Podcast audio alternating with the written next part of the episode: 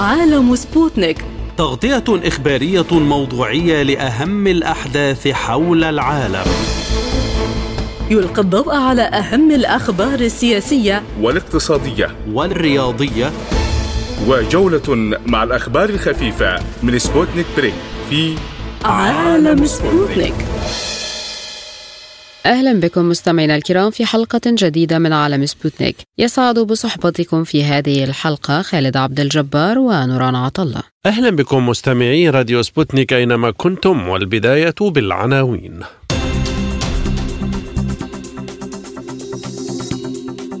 غارات تركية على شمال سوريا والدفاع التركي تقول حان وقت الحساب. أنباء عن تهديدات إيرانية بشن عملية عسكرية برية شمال العراق إذا لم يقم الجيش العراقي بتحصين الحدود المشتركة بين البلدين.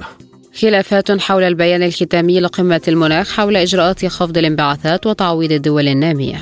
رئيس الفيفا يتهم منتقدي قطر بالنفاق مع انطلاق كأس العالم لكرة القدم. واقتصاديا وزير البيئة وأمن الطاقة الإيطالي يقول إن المفوضية الأوروبية أعدت مسودة وثيقة تتضمن آلية فرض سقف سعر ديناميكي للغاز الطبيعي.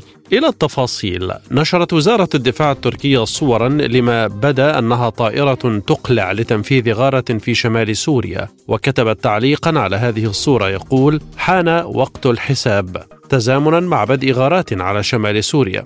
وشن الطيران الحربي التركي أكثر من عشرين غارة على مواقع لقوات سوريا الديمقراطية المعروفة باسم قسد ونشرت الوزارة عبر حسابها في تويتر مقطعا مصورا للقصف وأرفقته بعبارة تقول سيدفع الأوغاد ثمن اعتداءاتهم الغادرة وذلك في إشارة إلى العبوة الناسفة التي انفجرت في إسطنبول في الثالث عشر من الشهر الجاري وأوقعت ستة قتلى واتهمت أنقرة حزب العمال الكردستاني بالوقوف خلف التفجير كما اتهمت وحدة حماية الشعب الكردية التي تشكل العمود الفقري لقصد بالتخطيط للهجوم من اسطنبول ينضم إلينا دكتور برهان كور اوغلو أستاذ العلاقات الدولية بجامعة ابن خلدون اسطنبول. بعد التحية هل بالفعل هذه الغارات تأتي ردا على التفجير الأخير الذي وقع في شارع الاستقلال بتركيا؟ يعني طبعا هذا سبب من الأسباب، هناك طبعا أصلا السبب الأصلي هي تواجد هذه المنظمات الإرهابية على حدود تركيا وكذلك انتهاكات للأمن القومي التركي وكذلك انتهاكات داخل شمال سوريا حقوق الإنسان والتورط بكثير من القضايا الإرهابية والسلب والنهب. طبعا كلها كانت مزعجة لتركيا ولكل المنطقة، لذلك طبعا هذه لما صار هذا الانفجار أصبح من خلال هذا الانفجار الانفجار والعدوان تفاهم بين تركيا وبعض الجهات بما فيها روسيا أن يقوم تركيا بهذه العملية على هذه المواقع البيكاك وبي واي دي في المنطقة. تركيا دائما ما تتهم وحدات حماية الشعب الكردي بالضلوع في هذه الهجمات لكن الوحدات لم تعلن عن مسؤوليتها فلماذا هذا التأكيد؟ يعني اولا يعني ليس بالضرورة دائما المنظمات الارهابيه تعلن عن أحيانا هم يعلنون من أجل كسب يعني لو من لم الصفوف لم الصفوف بين جهاتهم. بس أحيانا لما خاصة لما يستهدفون الاهداف المدنية طبعا يتجنبون لأنهم هم طبعا يحصلون على دعم من الغرب. لذلك يتجنبوا الإعلان عن ذلك. ولكن الشواهد والاعترافات وربط العلاقه العضوية من خلال الناس الذين استولى عليهم يعني اعتقلهم السلطات التركية كلها تدل على أن ال PYD و PKK هم المتورطين في هذا الأمر، لذلك عملية بدأت ضدهم. ثانيا طبعا هذه المقولة التي نتحدث عن الوحدات الشعب الكردية أو PYD أنها منظمة مستقلة عن كي هذا طبعا من طرف تركيا مرفوضة وكلنا نعرف أنهم ينتمون إلى نفس العضوية، نفس الايديولوجيه ونفس التنظيم، لذلك أي اعتداء أن أعلنها ال PKK و PY أو لم يعلنها إذا إذا تركيا اقتنعت وعندها دلائل على ذلك وبالمناسبة طبعا تركيا قدمت الأدلة التي لديها للأطراف بما فيها الطرف الروسي والأمريكي على أن هذه هذين المنظمتين متورطتين في هذه العملية. لذلك تركيا قام بذلك. وطبعا أهداف فقط أهداف لهذه المنظمات ولا المدنيين. يعني مدنيين تركيا دائما تتجنب أن يكون هناك أي اعتداء على المدنيين في المنطقة آه لكن الأخبار تشير إلى أن القصف استهدف نازحين سوريين مدنيين ما حقيقة ذلك؟ هذا دعاية في في ال social media من طرف البي دائما يعملون ذلك. يأتون ببعض ابطال يعني اللقطات المزيفة يعلنون انه ولكن تركيا منذ البداية خاصة اليوم كمان وزير الدفاع اكد يعني مرارا وتكرارا تركيا دائما تتجنب وهذه المرة كذلك تجنبت أن يكون يمكن هناك أي أضرار للمدنيين. يعني فقط الجهات التي يعني يقوم بعمليات واهداف عسكرية أو يعني مواقع للبي واي دي والبي كي كي وليس أكثر. طبعا بالمناسبة يعني هذه الضربة آه، يعني قد يكون مقدمة لحركة آه، برية لأنه في نهاية المطاف الهدف التركي يعني الأخير أن أن نتخلص من كل هذه العناصر الإرهابية. وهذا هناك كذلك تفاهم تركي آه، روسي على حد علمي في هذا المجال. نفذت تركيا ثلاث عمليات توغل حتى الآن في شمال سوريا ضد وحدات حماية الشعب الكردية السورية ألا يكفي هذا التوغل لإحكام السيطرة حتى تلجأ لقصف آخر؟ يعني بصراحة العمليات السابقة آخر عملية غصن الزيتون كان هناك وعود من طرف روسيا والولايات المتحدة أن يعني يزيحوا هذه العناصر من المناطق التي تهدد الأمن القومي التركي. بينما هذا لم يتم. يعني أهداف العمليات الثلاثة الأولى لم يتم لسبب عدم آه، خاصة الطرف الأمريكي. كانوا وعدوا تركيا أنه مثلا أنه على سحب هذه العناصر من المنبج وعين عيسى والكوداني ولكن هذا لم يتم لذلك تركيا بعد كل المحاولات آه، السياسية لإقناع الأطراف آه، أخيرا يعني آه، الآن يمكن مقبل على أن يكون هناك عملية رابعة من أجل يعني إتمام ما بدأوا بها تركيا منذ سنوات ألا يوجد خصوم آخرين لتركيا ربما يريدون النيل من استقرارها؟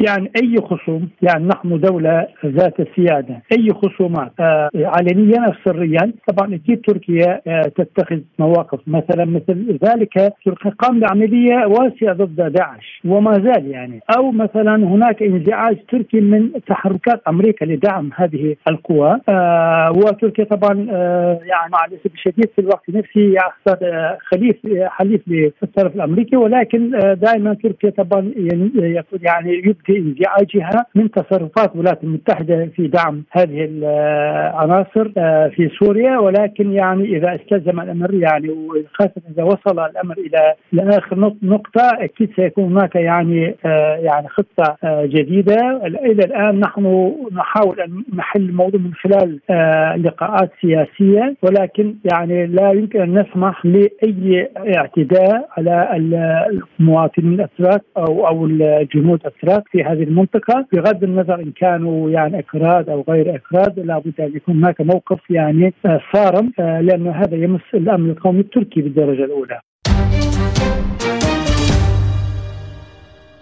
قال مسؤولون عراقيون أن مسؤولا عسكريا إيرانيا بارزا هدد بشن عملية عسكرية برية شمال العراق إذا لم يقم الجيش العراقي بتحصين الحدود المشتركة بين البلدين لمنع تسلل جماعات المعارضة الكردية الإيرانية. وفي حالة شن مثل هذا الهجوم من القوات الإيرانية فإنه سيكون غير مسبوق في العراق وسيثير شبح التداعيات الإقليمية من الاضطرابات الداخلية في إيران. وقد تم تسليم التحضير للمسؤولين العراقيين والأكراد في بغداد من قبل قائد فيلق القدس التابع للحرس الثوري الإيراني إسماعيل قآني الذي كان قد زار بغداد مؤخرا في زيارة غير معلنة استمرت لمدة يومين. وتتهم طهران جماعات معارضة كردية إيرانية تتمركز في إقليم كردستان العراق بالتحريض على الاحتجاجات المناهضة للحكومة في إيران وتهريب الأسلحة إلى البلاد. معنا لمزيد من التفاصيل من كردستان العراق أستاذ كاظم ياور الكاتب والمحلل السياسي بعد التحية ما حقيقة هذه التهديدات الإيرانية؟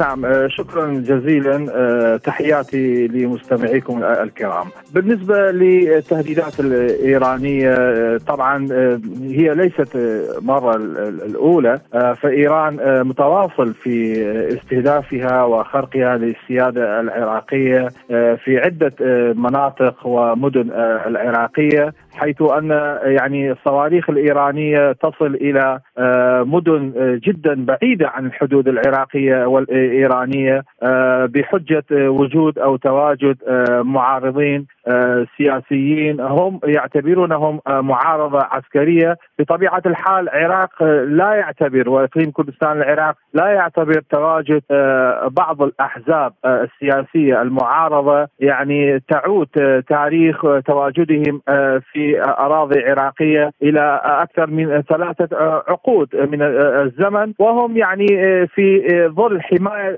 القوات العراقية وحكومة إقليم كردستان العراق تراقب عن كتب تحركاتهم ونشاطاتهم السياسية فهم لا يملكون أسلحة ممكن نسميها أنها ثقيلة أو ممكن أن تقوم باستهدافات داخل عمق الإيراني من أراضي العراقية. فإيران تتذرع بهذه الأمور وتقوم باستهدافات مباشرة لأراضي عراقية. فنحن يعني نحمل يعني هذه المطالب أو هذه تحركات إيرانية بمحمل الجد. لربما إيران فعلا سوف تقوم بهكذا عمليات نوعية داخل أراضي عراقية.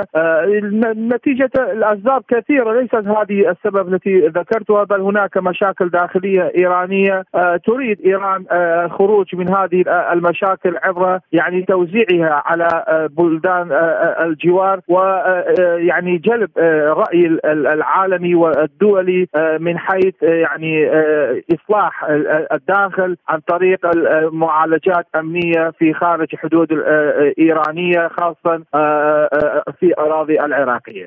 هل يمكن أن تقوم إيران بعملية برية في شمال العراق؟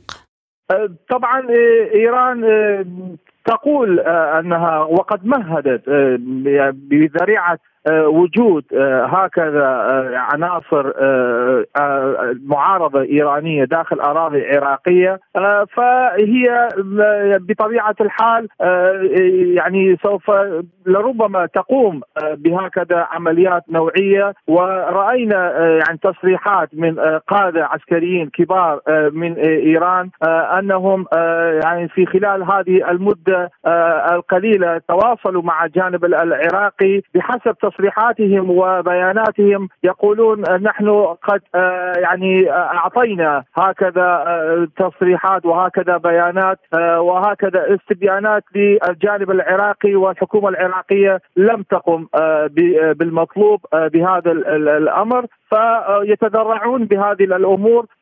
يعني ولا توجد هناك يعني مانع قوي كمثلا الحكومة العراقية والعراق وحكومة إقليم كردستان العراق في حالة دفاعية ليست بالقوية أو جيدة. تستطيع يعني منع إيران من الدخول في أراضي العراقية. وعدم استهداف أراضي عراقية إلا أن تقوم الحكومة العراقية بالاستعانة بالجهد الدولي عبر الامم المتحده وكذلك يعني استعانة ببعض الاتفاقيات الثنائية لربما يملكها العراق مع الولايات المتحدة الأمريكية وهي بطبيعة الحال ربما يكون آخر العلاجات إذا إذا تمادت إيران بدخول إلى أراضي العراقية. ونحن ك يعني باحثين ومراقبين يعني لا نرى أي مصلحة استراتيجية عليا أن تقدم إيران بهكذا فعل عبر يعني دخولها إلى أراضي عراقية. سوف يعني تجلب على نفسها مشاكل إقليمية ودولية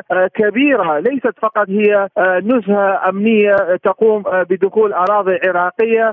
فعراق كما قد عندما دخل إلى الكويت جرى ما جرى عليها من الويلات الحروب الدولية فربما تكون طعم دخول إلى العراق يعني تعطى ذريعة قوية من قبل المجتمع الدولي أمريكا وغير الأمريكان بضرب مصالح إيرانية على أراضي عراقية. ونحن كعراقيين لا نتمنى هذا الأمر. أن تجري هناك صراعات دولية وإقليمية على أراضي عراقية لأن الخاسر الأكبر الوحيد هم الشعب العراقي والدولة العراقية من كل هذه المشاكل التي تجري هنا وهناك. فالحل الأسلم هو الدخول في مفاوضات مباشرة وعميقة وأبواب العراق مفتوحة أمام إيرانيين عبر وسائل دبلوماسية كالخارجية لوضع حد إذا كانت إيران تشعر بهكذا مشاكل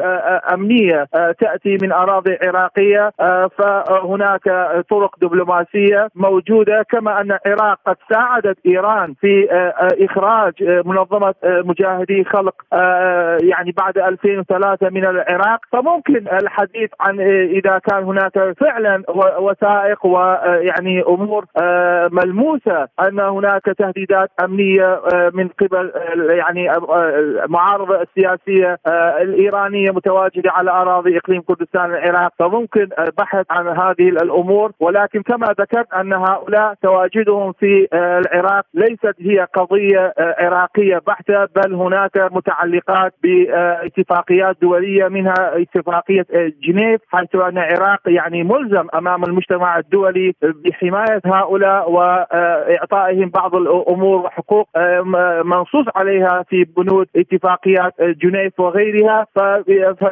فإيران لابد أن تقدر هذا الأمر يعني من حيث أن التزام العراق باتفاقيات مبرمة يعني دولية وإقليمية أما إذا أرادت إيران يعني جلوس إلى طاولة حوار وتفاوض عبر طرق دبلوماسية فأكيد أبواب العراق في دائما مفتوحة أمام الجارة إيران وحلحله مشاكل الثنائية عراقية إيرانية في صالح المنطقة وفي صالح العراق وإيران على حد سواء. هل التهديدات على إيران من شمال العراق تستحق كل هذه الضجة؟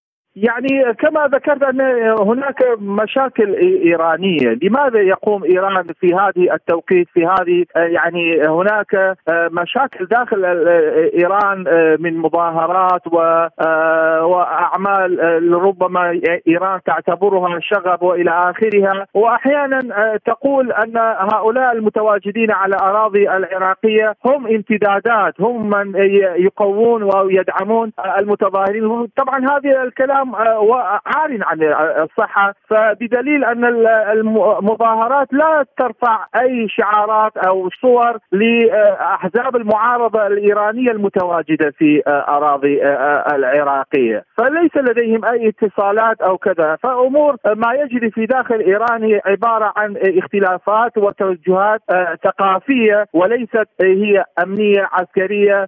ممكن القول أن هذه الامتدادات أو أو الدعم لوجستي تأتي عبر أراضي العراقية. أعرب الأمين العام للأمم المتحدة أنطونيو غوتيريش عن أسفه لفشل مؤتمر الأطراف حول المناخ كوب 27 في شرم الشيخ. في وضع خطة لخفض الانبعاثات بشكل جذري. من جهته أعرب الاتحاد الأوروبي عن خيبة أمله من الاتفاق حول الانبعاثات الذي تم التوصل إليه في مؤتمر الأطراف حول المناخ كوب 27. وقال نائب رئيسة المفوضية الأوروبية فرانس تيمرمانس في الجلسة الختامية للمؤتمر ما حدث ليس كافيا كخطوة للأمام ولا يأتي بجهود إضافية من كبار الملوثين لزيادة خفض انبعاثاتهم وأعرب عن خيبة أمله لعدم تحقيق ذلك من ناحية أخرى قرر المندوبون خلال جلسة عامة ختامية لمؤتمر الأطراف حول المناخ كوب 27 في شرم الشيخ إنشاء صندوق لتعويض الخسائر والأضرار التي تتكبدها الدول النامية جراء التغير المناخي. من القاهرة ينضم إلينا دكتور وحيد إمام أستاذ البيئة بجامعة عين شمس. دكتور وحيد دائما ما تحدث خلافات حول البيان الختامي لقمة المناخ؟ هل هي أيضا خلافات حول التزامات الدول الكبرى هذه المرة؟ هي مش مش قصة التزامات للدول الصناعية الكبرى ولكن قد تكون بعض الدول النامية من مصلحتها إن في بعض القرارات ما توافقش عليها لمصلحة معينة منها على سبيل المثال مثلا قصة الوقود الأحفوري. كويس لأن كانت المطالبة بعملية التخفيف من استخدام الوقود الاحفوري في خلال السنوات القادمة والتوقف الكامل عنه. طبعا في عندنا دول نامية بتعتبر من الدول النامية طبعا هي دول الخليج وبعض الدول الأفريقية. فبالتالي بنجد إن المصالح المتباينة حتى لبعض الدول النامية ممكن تؤثر على اتخاذ القرار وصياغته بالشكل النهائي. وده اللي, إحنا شفناه. ولكن الحمد لله الدبلوماسية المصرية نجحت بشكل كبير إن يحصل توافق ما بين الأطراف كلهم على صيغة الصيغة دي شبه متفق عليها وتمت الموافقه عليها بشكل نهائي الحمد لله اللي هي الإعلان عن صندوق الخسائر والتعويضات. دي كانت نقطة مهمة جدا. وإحنا حتى شفنا إن الاتحاد الأوروبي كان متمسك بشكل كبير إنشاء هذا الصندوق وكان دعمه وكان بيهدد بالانسحاب لو ما تمش الموافقه عليه إذا إحنا شايفين إن في حاليا الدول الملوثة نفسها زي الاتحاد الأوروبي في وقت من الأوقات أصبح مدافع عن حماية هذا الكوكب وده شيء كويس على ذكر هذا الصندوق المكرس للخسائر والأضرار وموجه لأكثر الدول ضعفا إزاء التغير المناخي، لماذا تأخر الاتفاق حول إنشاء هذا الصندوق؟ لأول مرة خلي بالك إحنا بقى لنا 26 قب قبل كده أهو ما لم يدرج وما, توافقش على إدراج مثل هذا الصندوق. يعني مش دي المرة الأولى اللي بيتم محاولة إدراجه. فكون انه أدرج في شرم الشيخ. ده بيعتبر إنجاز رائع جدا ونحسبه للدبلوماسية المصرية. هذا رقم واحد، رقم اثنين مع إدراجه الدول اللي هيبقى عليها التزامات وأعباء مالية إضافية. خلي بالك أصل أنت عندك الصندوق الأخضر للمناخ وعندك صندوق التكيف موجودة. فدي صناديق موجودة بالإضافة للصندوق الثالث، الصندوق الثالث للتعويضات والخسائر ده هيبتدي يتكلم على ما مضى مش ما مش القادم ودي النقطة اللي إحنا عايزين بس نوضحها للسادة المستمعين بمعنى إيه؟ أنا النهاردة في صندوق اخضر للمناخ، الصندوق الاخضر للمناخ اللي هيتحط فيه 100 مليار هو ده اللي هيتكلم ويبتدي يشتغل على عمليات التخفيف وعمليات التكيف للفترات القادمة ويغطي أي حاجة وبالتالي يفترض إن مفيش خسائر هتبقى موجودة. طب والخسائر اللي تمت بالفعل هيبقى الصندوق ده موجود بيعوضها إلا إذا كانت الأمور أكثر من إمكانيات الصندوق الأصلي اللي هو الأخضر للمناخ وجت خسائر غير متوقعة وأضرار غير متوقعة لكوارث قد تكون طبيعية بسبب التغيرات المناخية في الحالة دي هيضطروا إنهم يدفعوا برضك للدول المتضررة مش يدفعوا يعني هيساعدوها. لكن هل لمصر أي دور في محاولة إنهاء الخلافات حول البيان الختامي أم أنها أزمة كل قمم المناخ؟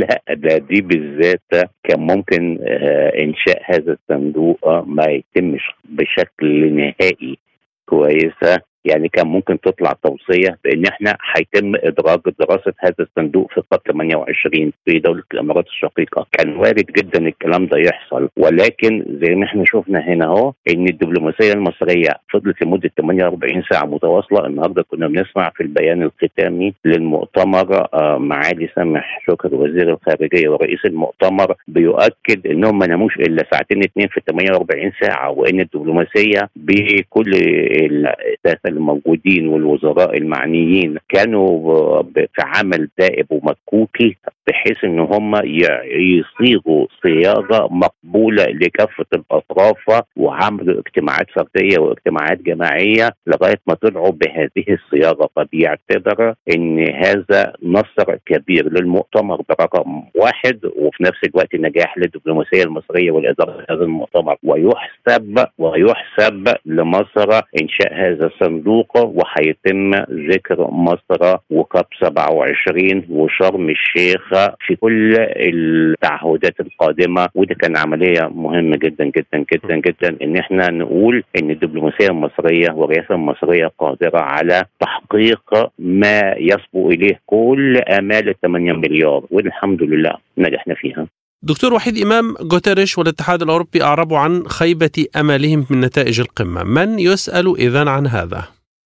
لا هي دايما أما أنت بتلزم آه، كيان معين بأنه يسدد التزامات هو كان بيحاول يتهرب منها أو يتملص منها آه، إضافية. هنقول دي أصل خلي بالك مثل هذا الصندوق ده إضافي. كل ما نتجه لإيقاف الوقود الأحفوري واخد بالك ده حاجات إضافية بنحاول إيه نهرب منها. وده اللي إحنا بنتكلم عليها. ليه؟ لأن المصالح متباينة بين الدول ما إحنا عارفين. كل دولة ولها المصالح بتاعتها المحسوبة ليها. طب ما إحنا شايفين الصين وشايفين الولايات المتحدة وعلى الرغم من كده الصين والولايات المتحدة ما بيوقعوش ولكن بيقولوا إن إحنا نقدر نحل المشاكل بتاعة العالم دي كلها من خلال عمليات تنمية وعمليات تخفيف ممكن نعملها داخليا وعبر الحدود عندنا. وإحنا نساعدكم إما ماليا أو تكنولوجيا. فكل دولة من الدول للأسف دي ليها آه معتقداتها ليها استراتيجياتها عارفة آه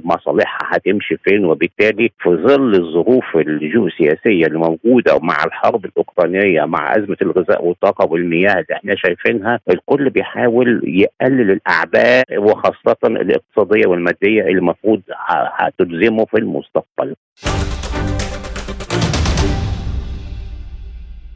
أبدى رئيس الاتحاد الدولي لكرة القدم جياني إنفانتينو رضا الكامل عن الكثير من الأشياء التي شاهدها في قطر رافضا بعض الهجمات التي تتعرض لها الدولة المستضيفة لبطولة كأس العالم في قطر 2022 وأوضح إنفانتينو خلال مؤتمر صحفي أنه مثلما أصبحت سويسرا مثالا يحتذى به بفضل التسامح والعمل الجماعي فقد تطورت قطر كثيرا في هذا المجال أيضا.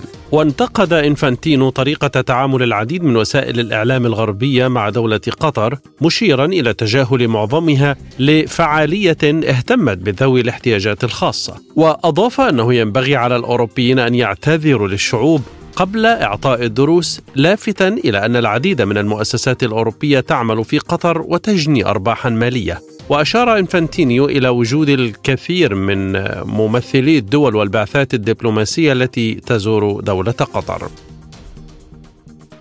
من الدوحة ينضم إلينا الدكتور علي الهيل أستاذ العلوم السياسية بجامعة قطر. دكتور علي بداية يعني هل هجوم رئيس الفيفا على الانتقادات الموجهة لقطر يسكت كل الأصوات أم يروج لها؟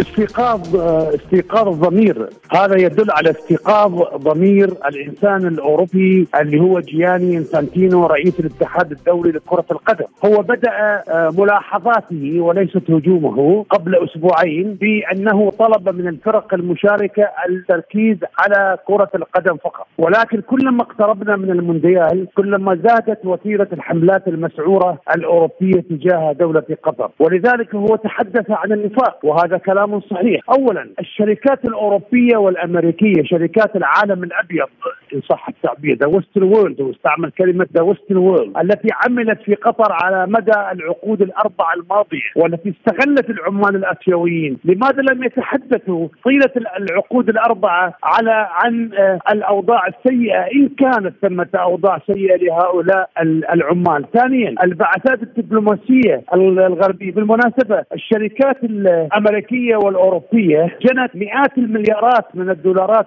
على مدى الاربعه العقود الماضية. وكان همهم جني الأرباح بالمليارات بغض النظر عن الحديث عن العمال الآسيويين. ثم إن البعثات الدبلوماسية الأمريكية والأوروبية في دوله قطر منذ عام 72 إلى هذا اليوم لماذا لم يتحدثوا عن الأوضاع الخاصة بالعمال أو عن الثقافة المثلية في قطر إذا كان هناك ظلم بقطر للمثليين والمثليات وهذا الكلام؟ غير صحيح لأن البلاد فيها الكثير من المثليين والمثليات منذ عام 72 من الفلبينيين والتايلنديين الذين كانوا الذين يأتون إلى قطر العمل في الكافيهات والمطاعم وإلى آخره. ثم أن آه، إنفانتينو تحدث عن عن الثلاثه آلاف سنة الماضية عن الثلاثة آلاف سنة الماضية التي احتل فيها الأوروبيون البلاد العربية والشرق الأوسطية والإسلامية. وإفريقيا وبلدان العالم الثالث ونهبوا، أنا لم أحدد دولة معينة في خطاباتي السابقة، ولكن إحدى الدول الأوروبية نهبت أكثر من 24 آه، تريليون وليس مليار، تريليون دولار من إحدى الدول الأسيوية من مستعمراتها القديمة، ودولة أخرى نهبت منذ العام 1962 استقلال دولة معينة في الشمال العربي الإفريقي سبعة تريليونات دولار من آه، مبيعات آه، الريعيه للنفط وللغاز في تلك الدولة الشمال الافريقيه العربية، كما أن الدول الأوروبية التي الآن تحدثنا وتريد أن تعطينا دروسا في الأخلاق والديمقراطية، هذه الدول قتلت بدم بارد الملايين من شعوب الهند ومن شعوب الجزائر ومن شعوب أفريقيا ومن شعوب أمريكا اللاتينية ومن الشعوب الأصلية نيتف امريكان في شمال أمريكا اللي هي الولايات المتحدة حاليا وكندا والمكسيك وقتلوهم بطريقة نازيه وبدم بارد وسلخوهم في القدور التي تغلي بمادة القار. وهذا كلام قاله أوروبيون إنسانيون منصفون قالوها في كتبهم. واروناها وارونا ارونا أفلاما وثائقية في بالنسبة لهذه الأمور. لذلك ليس من جديد ليس من جديد حديث إنفانتينو عن نفاق الدول الأوروبية و the Western world كما أطلق عليه أو العالم الأبيض كما اسميه يعني. لكن لماذا كل هذا الهجوم آه، ولماذا ارتفعت نبرتهم عن طلاق البطولة؟ يريد أن يقول للأوروبيين آه، كفاكم توقفوا لا تعطوا الدول التي تسمونها الصغيره ومستعمراتكم القديمة دروسا في الديمقراطية ودروسا في الأخلاق ودروسا في حقوق العمال والشاعر العربي يقول لا تنهى عن خلق وتأتي بمثله عار عليك إذا فعلت عظيم، اذا عار عليكم أن تعطوا هذه الدول دروسا وكل الكلام الذي قيل عن المثليين وعن الثقافة المثلية وعن الخمور وعن العمال لا علاقة لها بكرة القدم على الإطلاق. ولو أن قطر أساءت إلى عمالها وهم شركاؤنا في التنمية لنشأت أزمات دبلوماسية وسياسية بين دولة قطر وبلدانهم هم التي جاء منها أولئك العمال. دكتور علي نذهب إلى الحدث نفسه، هل بالفعل هناك ترويج قطري للثقافة العربية والإسلامية بين الحضور من الجماهير والدول المشاركة في الحدث؟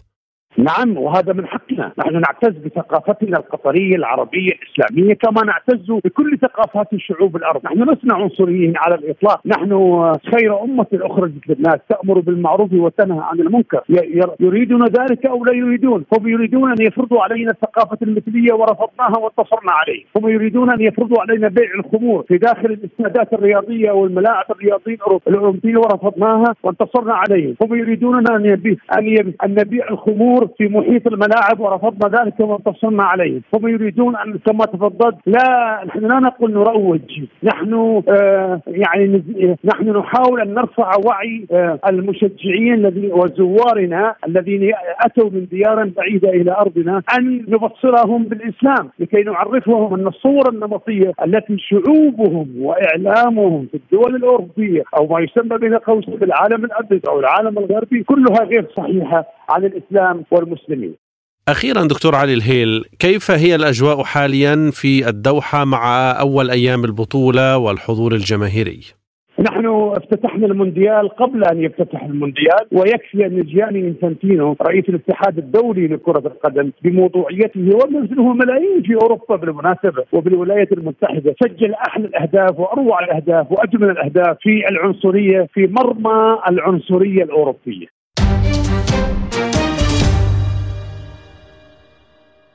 أهلا بكم مستمعينا الكرام مجددا والآن إليكم جولة إخبارية حول العالم.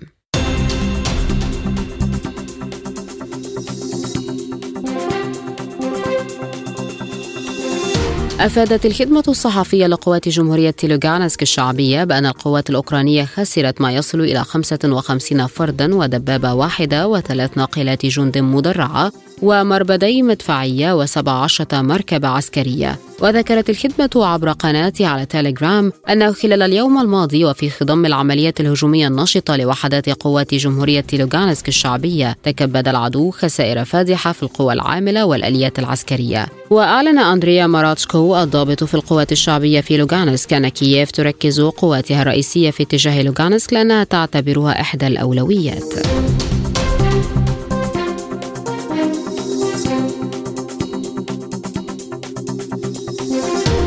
سجلت بيانات خريطة الغارة الجوية عبر الإنترنت التابعة لوزارة الشؤون الرقمية في أوكرانيا إنذارات بالغارات الجوية في جميع أقاليم البلاد. وتم تحديد خريطة التنبيه الجوية تابعة لوزارة الشؤون الرقمية عبر الإنترنت بالكامل باللون الأحمر في جميع أنحاء أوكرانيا.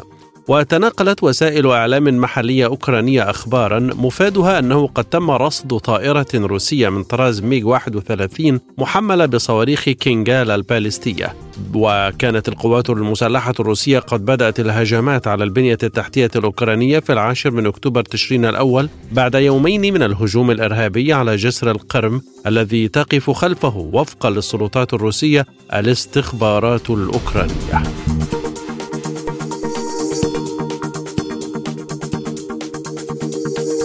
أدان المنسق الأممي لعملية السلام في الشرق الأوسط تور وينسلاند الهجمات العنيفة التي نفذها المستوطنون المتطرفون ضد الفلسطينيين في البلدة القديمة من مدينة الخليل وأحيائها المختلفة. وحذر وينسلاند في بيان من هجمات المستوطنين ضد الفلسطينيين بالخليل مؤكدا أنها تؤدي إلى تفاقم بيئة متوترة بالفعل. وقال إن هذه الأعمال قد تؤجج التوتر وعلى الجميع أن يتحمل مسؤولية العمل ضد المتطرفين والتحدث ضد جميع أعمال العنف والتحريض. وأدان وزير الدفاع الإسرائيلي باني جانس اعتداءات المستوطنين ضد الفلسطينيين في الخليل وكذلك ضد جنود الاحتلال. وكان عشرات الآلاف من المستوطنين المتطرفين استباحوا مدينة الخليل وقاموا بأداء طقوس تلمودية تخللها تنفيذ عمليات اعتداء كبيرة ضد المواطنين الفلسطينيين وممتلكاتهم.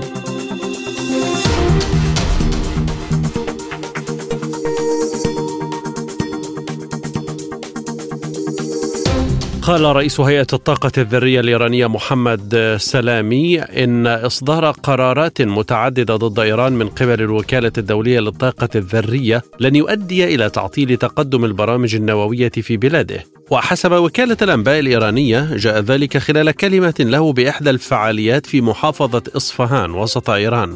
وأضاف سلامي أن قرار الوكالة الدولية ضد إيران هو إجراء غير بناء لممارسة أقصى قدر من الضغط. واعتبر أن مثل هذه الضغوط لن تنتهي لافتا إلى أن قرار الوكالة سيقابله رد قوي من إيران. وكان مجلس محافظي الوكالة الدولية للطاقة الذرية قد أصدر قرارا الخميس الماضي يطالب إيران بأن تشرح للوكالة الأماكن التي اكتشفت فيها آثار يورانيوم مخصب وأصدرت الولايات المتحدة وبريطانيا وألمانيا وفرنسا بيانا مشتركا يوم الجمعة طالبت فيه طهران بتنفيذ قرار الوكالة الدولية دون تأخير.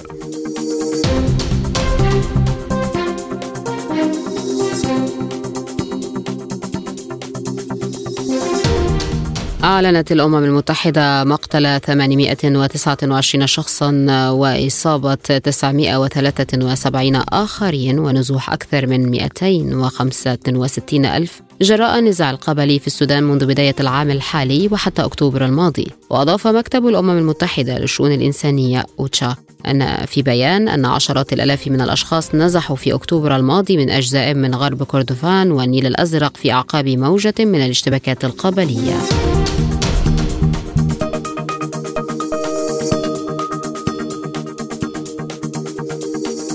أكد الرئيس الصيني شي جين بينغ لنظيره الأمريكي جو بايدن أن تايوان خط أحمر في العلاقات بين بكين وواشنطن.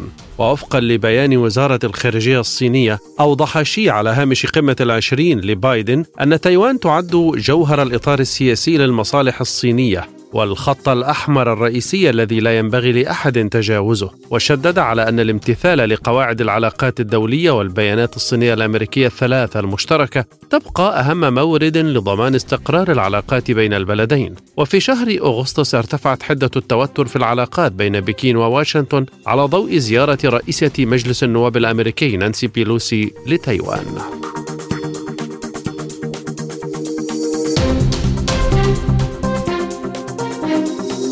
فتحت مراكز الاقتراع في كازاخستان أبوابها أمام ناخبين للإدلاء باصواتهم في انتخابات رئاسية مبكرة. ويخوض هذه الانتخابات على رئاسة كازاخستان ستة مترشحين بينهم امرأتان والرئيس الحالي قاسم جومار توكاييف. وهي سابع انتخابات رئاسية تشهدها البلاد منذ استقلالها عام 1991 ووفقا لأحدث البيانات التي قدمتها اللجان الإقليمية فقد بدأ التصويت في جميع مراكز الاقتراع البالغ عددها 1033 في جميع أنحاء البلاد و17 مركزا للاقتراع في المكاتب التمثيلية لكازاخستان في البلاد الأجنبية.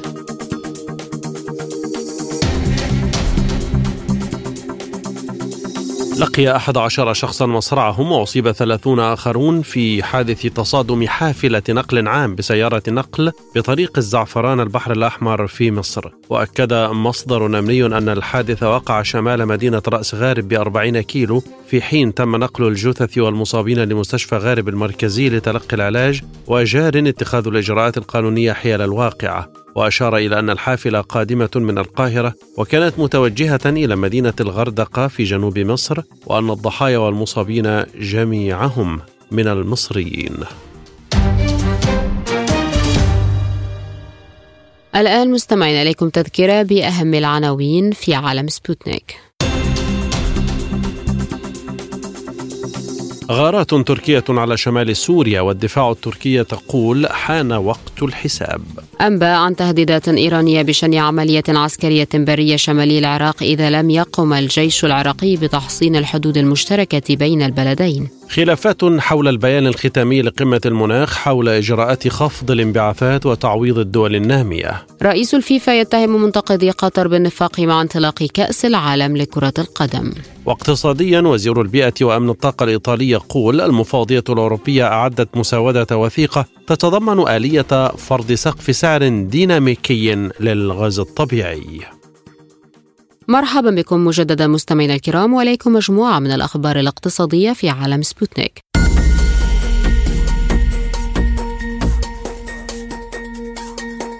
قال وزير البيئة وأمن الطاقة الإيطالي إن المفوضية الأوروبية أعدت مسودة وثيقة تتضمن آلية فرض سقف سعر دين ديناميكي للغاز الطبيعي. وأشار الوزير إلى أنه سيتم تقديم النسخة النهائية للوثيقة في قمة الاتحاد الأوروبي في الرابع والعشرين من نوفمبر. ووفقا له تنظر إيطاليا اجمالا إلى هذا الاقتراح بشكل إيجابي. وأضاف الوزير أنه توجد مسودة غير رسمية للمفوضية الأوروبية تقدم سقفا ديناميكيا للأسعار وربما يتم تعديل بعض النقاط. وأكد الوزير أنه من الممكن بهذه الطريقة مواجهة المضاربة في السوق واحتواء ارتفاع أسعار الطاقة للشركات الخاصة وللعائلات.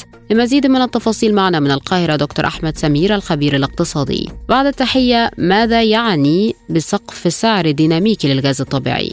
بداية هو تحديد سعر يكون سعر يتحرك طبقا لآليات السوق والعرض والطلب ولكنه يكون سعر واضح لكل الماركت أو كل الأسواق فيما يتعلق بأسعار الغاز الطبيعي بشكل كبير جدا. وهو تصور جديد لتوحيد السعر على مستوى العالم ليكون السعر في الغاز الطبيعي في هذه المرحلة كأحد منتجات الطاقة الهامة جدا آه واضح لكافة الدول سواء المشترية للغاز والتي تحتاجه أو الدول المصدرة له. هل أسعار الغاز ترتفع لدرجة ربما تجعل دول الاتحاد الأوروبي تقبل بخطوة تحديد سقف للسعر؟ ما بعد الأزمة الروسية الأوكرانية وبعد الضغوط الكبيرة على الجانب الأوروبي واحتياجهم للغاز بشكل كبير جدا وضع النهاردة آليات لكيفية وضع أسعار للغاز بشكل كبير خاصة أن ارتفاع أسعاره واحتياج القارة الأوروبية ليه بشكل كبير جدا ومصادر توفره للقارة الأوروبية أدى إلى هذه الخطوات لأن الشتاء خاصة فصل الشتاء يكون الاحتياج إلى الغاز كبير جدا للتدفئة ولأوروبا بشكل عام في إدارتها لمصانعها والتدفئة في المنازل كل هذا يجعل هذه القرارات تتخذ بشأن وضع حد لأسعار الغاز الطبيعي في العالم ورؤيتها بشكل كبير. هل هناك بدائل أخرى غير تحديد السقف السعري للغاز؟ أعتقد أن حل الأزمة يبعث الطمأنينة في الكثير من الدول المستوردة للغاز الطبيعي ورؤيتهم لحل الأزمة الروسية الأوكرانية هو الأمل الذي تنتظره كل الدول المستوردة للغاز خاصة أن الدول الأوروبية لأن تأثير كبير جدا على الدول الأوروبية من الأزمة ما بينها وبين روسيا في هذه المرحلة وتوافر الغاز في أوروبا بقى أصبح صعب جدا في هذه المرحلة في ظل الأزمة بين روسيا والدول الأوروبية بشكل كبير وبالتالي وصلنا إلى مرحلة محاولة تحديد سعر للغاز الطبيعي لكن الحل الأمثل هو انتهاء هذه الأزمة وعودة العلاقات مرة أخرى إلى طبيعتها وبالتالي مد أوروبا بالغاز بالطريقة المعتادة مرة أخرى. كيف يمكن أن تقبل الدول المصدرة بهذا السقف السعري؟ أعتقد أن هناك ستكون مفاوضات وستكون هناك رؤية وبعضها قد يرفض خاصة أن العرض والطلب والاحتياج للغاز الطبيعي من الدول المصدرة يفتح لها مجال لزيادة الأسعار وبالتالي زيادة الربحية من تصديرها للغاز الطبيعي إلا أن فرض هذه القواعد من قبل المستوردين هو محاولة لتوقف الارتفاع الصعب والتوقف الارتفاع في أسعار الغاز الطبيعي ومصادر الطاقة بشكل كبير جدا وهو صراع ما بين جبهتين كل منهم يتمنى تحقيق مصالحه على المستوى الاقتصادي بشكل كبير. هل تعتقد أنه يمكن أن يكون هناك تنازلات من قبل الدول الأوروبية حتى تستطيع الحصول على مصادر الطاقة والغاز؟ أتوقع أن الشتاء القارس سيدفع آه، الكثير من الدول الأوروبية إلى تغيير منظوماتها خاصة أن الضغوط الشعبية عليها في المرحلة المقبلة سوف تكون كبيرة جدا لأن توافر الغاز هو مصدر كبير جدا للتدفئة للمواطنين والشتاء في أوروبا قارس وبالتالي ستكون هناك آه، احتجاجات واضطرابات عظيمة في آه، وتأثر كبير في أوروبا بشأن الغاز وإمدادات الغاز وبالتالي ستكون هذه الضغوط تستوجب من القيادات السياسية في هذه الدول بعض التنازلات أو حتى التفاهمات مع الدول المصدرة للغاز. برأيك هل هناك مدة زمنية محددة حتى تتنازل الدول الأوروبية استجابة للضغوط التي تتعرض لها؟ أعتقد أن ما قبل حلول يناير القادم أعتقد أننا سوف نجد آه، بعض الاقتراحات وبعض التشاورات فيما يتعلق بشأن الغاز الطبيعي واستيراده أعتقد أيضا أن آه، كلما اقتربنا من آه، بداية العام الميلادي في ظل عدم حل الأزمة أعتقد إن هذا يؤثر بشكل كبير جدا على الدول الأوروبية وامدادات الغاز التي أصبحت هامة وعاجلة لكافة الدول الأوروبية.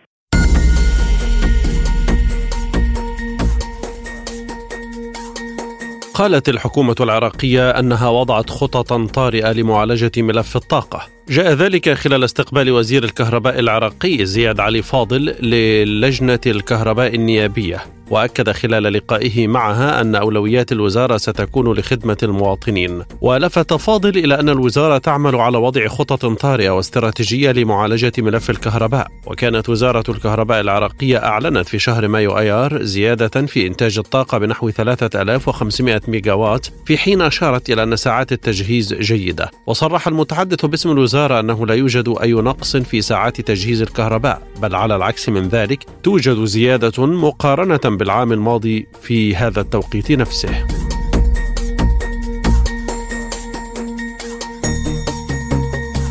أعلنت وزارة الطاقة والنفط السودانية عودة مصفاة الخرطوم الأولى للعمل بصورة طبيعية وبكامل طاقتها الإنتاجية. ونقلت وكالة الأنباء السودانية عن مدير عام شركة مصفاة الخرطوم للبترول المهندس منير محمود تأكيده بعودة المصفاة الأولى للعمل بصورة طبيعية. وأوضح أنه جرت عمليات ضخ الغاز في مركز التحكم ومستودعات الشركات كما تجرى عمليات ضخ بقية المنتجات النفطية بصورة طيبة. لافتا إلى أن المصفاة الثانية كانت وما زالت تعمل بصورة طبيعية.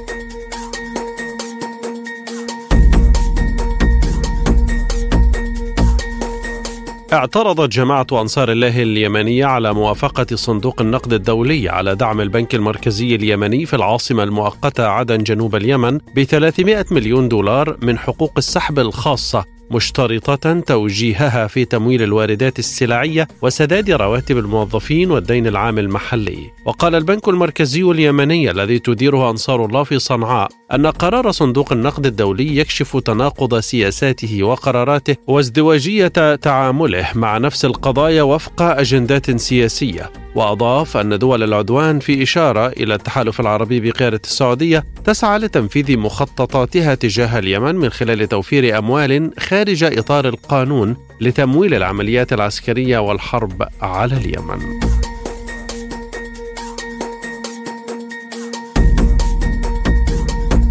قالت الهيئة العامة للسلع التموينية مشتري الحبوب الحكومي في مصر إنها تسعى للحصول على الزيوت النباتية في ممارسة شراء دولية للوصول في الفترة من العاشر وحتى الحادي والثلاثين من يناير كانون الثاني 2023 وأضافت الهيئة أنه يجب على المتعاملين تقديم عروض للدفع باستخدام خطابات ائتمان مدتها 180 يوما والموعد النهائي لتقديم العروض هو الثاني والعشرين من نوفمبر تشرين الثاني.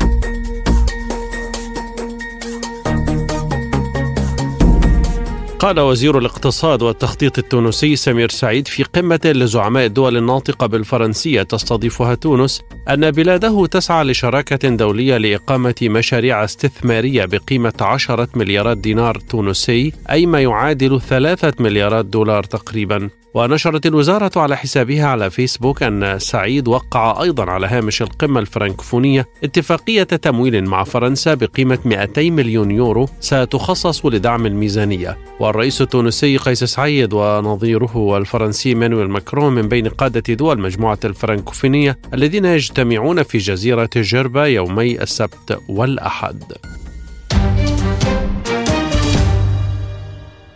عالم سبوتنيك مستمر معكم وهذه وقفة مع أخبار الرياضة.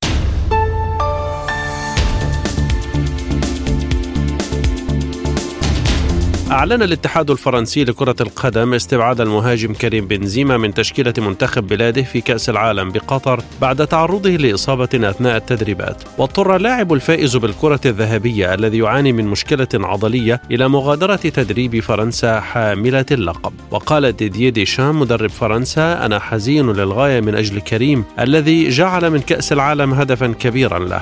وستفتتح فرنسا التي ستفتقر بالفعل لجهود لاعبي خط الوسط المؤثرين مثل بول بوجبا ونغولو كانتي بسبب الإصابة مشوارها أمام أستراليا في المجموعة الرابعة يوم الثلاثاء المقبل.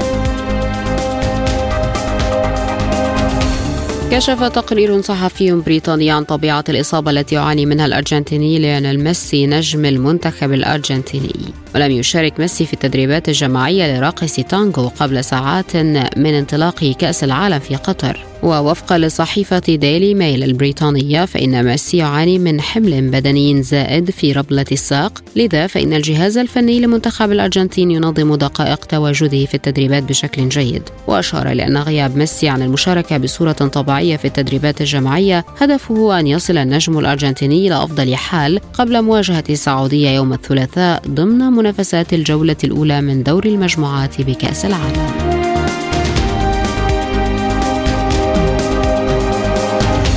نشرت صحيفة ذا صن الإنجليزية التوقع الخاص بالناقة الروحانية كاميلة فيما يتعلق بالفائز من مباراة إنجلترا وإيران المرتقبة يوم الاثنين في مونديال قطر 2022 وذكرت صحيفة ذا صن أنها كلفت الناقة الروحانية كاميلة بتوقع الفائز بين منتخبي إنجلترا وإيران ووقع اختيارها على الأسود الثلاثة. ويبدو أن توقع الناقة الروحانية لم يقتصر على فوز إنجلترا أمام إيران فقط بل ضد كافة منافسيها في المجموعة أي ويلز والولايات المتحدة الأمريكية كذلك.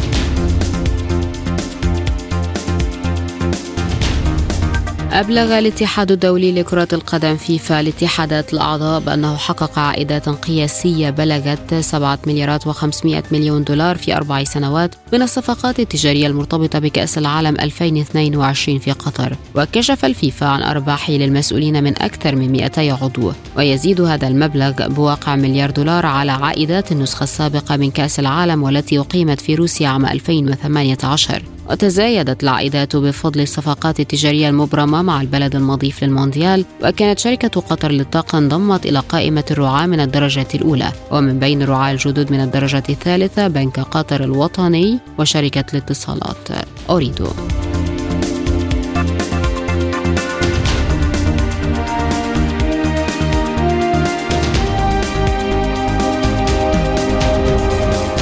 تمكن الصربي نوفاك ديجوكوفيتش حامل لقب البطولة الختامية للاعبي التنس المحترفين في خمس مناسبات سابقة من التأهل إلى النهائي الثامن له في البطولة بعد فوزه على الأمريكي تايلور فريتز. وانتهت المباراة التي أقيمت في تورينو بإيطاليا بنتيجة 7-6 و7-6 لصالح ديجوكوفيتش في أقل من ساعتين. وبهذا يحصل النجم الصربي على فرصة أخرى لمعادلة الرقم القياسي في البطولة والمسجل باسم السويسري روجر فيدرر خلال خلال النهائي.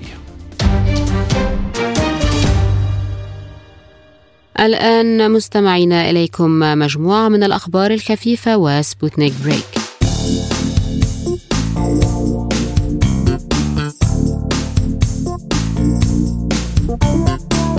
قال معهد علم البراكين والزلازل بفرع أكاديمية العلوم الروسية بالشرق الأقصى. إن بركان كليوتشيفسكايا استيقظ من سباته وبدأ يطلق القنابل البركانية. ويتوقع المصدر أن سيول الحمم النارية ستنطلق قريبا من هذا البركان الذي يعتبر أعلى البراكين النشطة في أوراسيا. وأفادت الخدمة الجيوفيزيائية في كاماتشاتكا بأن زلزالا بلغت قوته 5.7 درجات وقع قبالة الساحل الشرقي في الليلة الماضية. وبعد هذه الهزات الأرضية ظهر الوهج في فوهة بركان كيليو تشافسكايا ووفقا للعلماء سيشتد ثوران البركان لاحقا ويتوقع تدفق الحمم البركانية فضلا عن تكوين تدفقات طينية ستغطي مجاري الأنهار في منطقة البركان.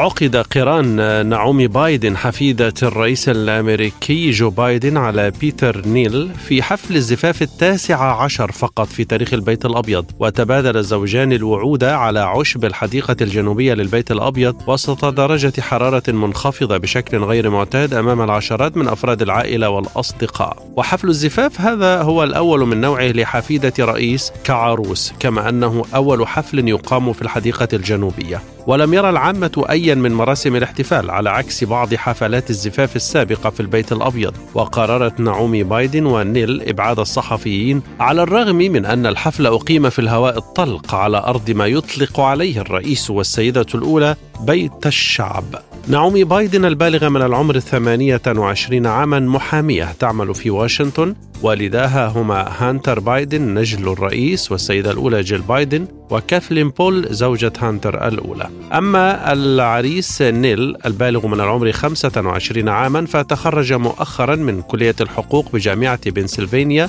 ويعمل في مركز القانون بجامعة جورج تاون في واشنطن.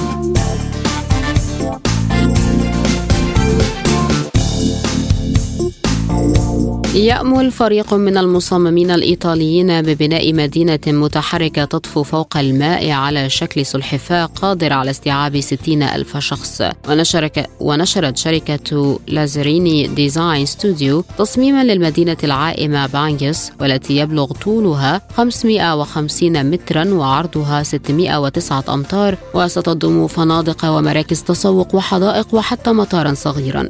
وحسب ما نقلت صحيفة ديلي ستار البريطانية عن القائمين على المشروع فإن العمل عليه قد يبدأ في 2023 وسيستغرق ثمان سنوات لاستكمال تشييده. ومن المتوقع أن تبلغ تكلفة البناء الإجمالية للمشروع 8 مليارات دولار علما بأن بناءه سيتطلب رصيفا بمساحة 2000 قدم مربع.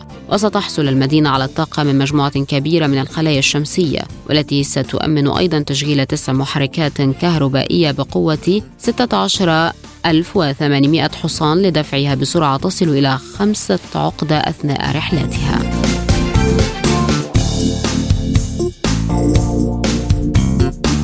عثر علماء المتحجرات على شظايا من القشرة وأثار أحفورية أخرى لواحدة من أكثر السلاحف في تاريخ الأرض في شمال إسبانيا. بلغ طولها ثلاثة أمتار فاصل سبعة من عشرة ووزنها أكثر من طن واحد. وأشار الباحثون في مقال نشروه في مجلة Scientific Reports إلى أنها كانت أكبر سلحفاة في أوروبا نهاية العصر الطباشيري. وقال الباحثون حتى الآن لم يتمكن أحد من العثور في أوروبا على بقايا سلاحف قديمة كبيرة يصل طولها إلى متر ونصف المتر أو أكثر من ذلك ووفقا للأفكار الحالية لعلماء الوراثة وعلماء المتحجرات فإن أولى السلاحف ظهرت على الأرض نهاية العصر الترياسي أو بداية العصر الجوراسي. وفي العصور اللاحقة من حقبة العصر الوسيط انتشرت السلاحف في جميع أنحاء الأرض وبلغ طول أكبرها أركيلون أربعة أمتار ونصف المتر ووزنها عدة أطنان.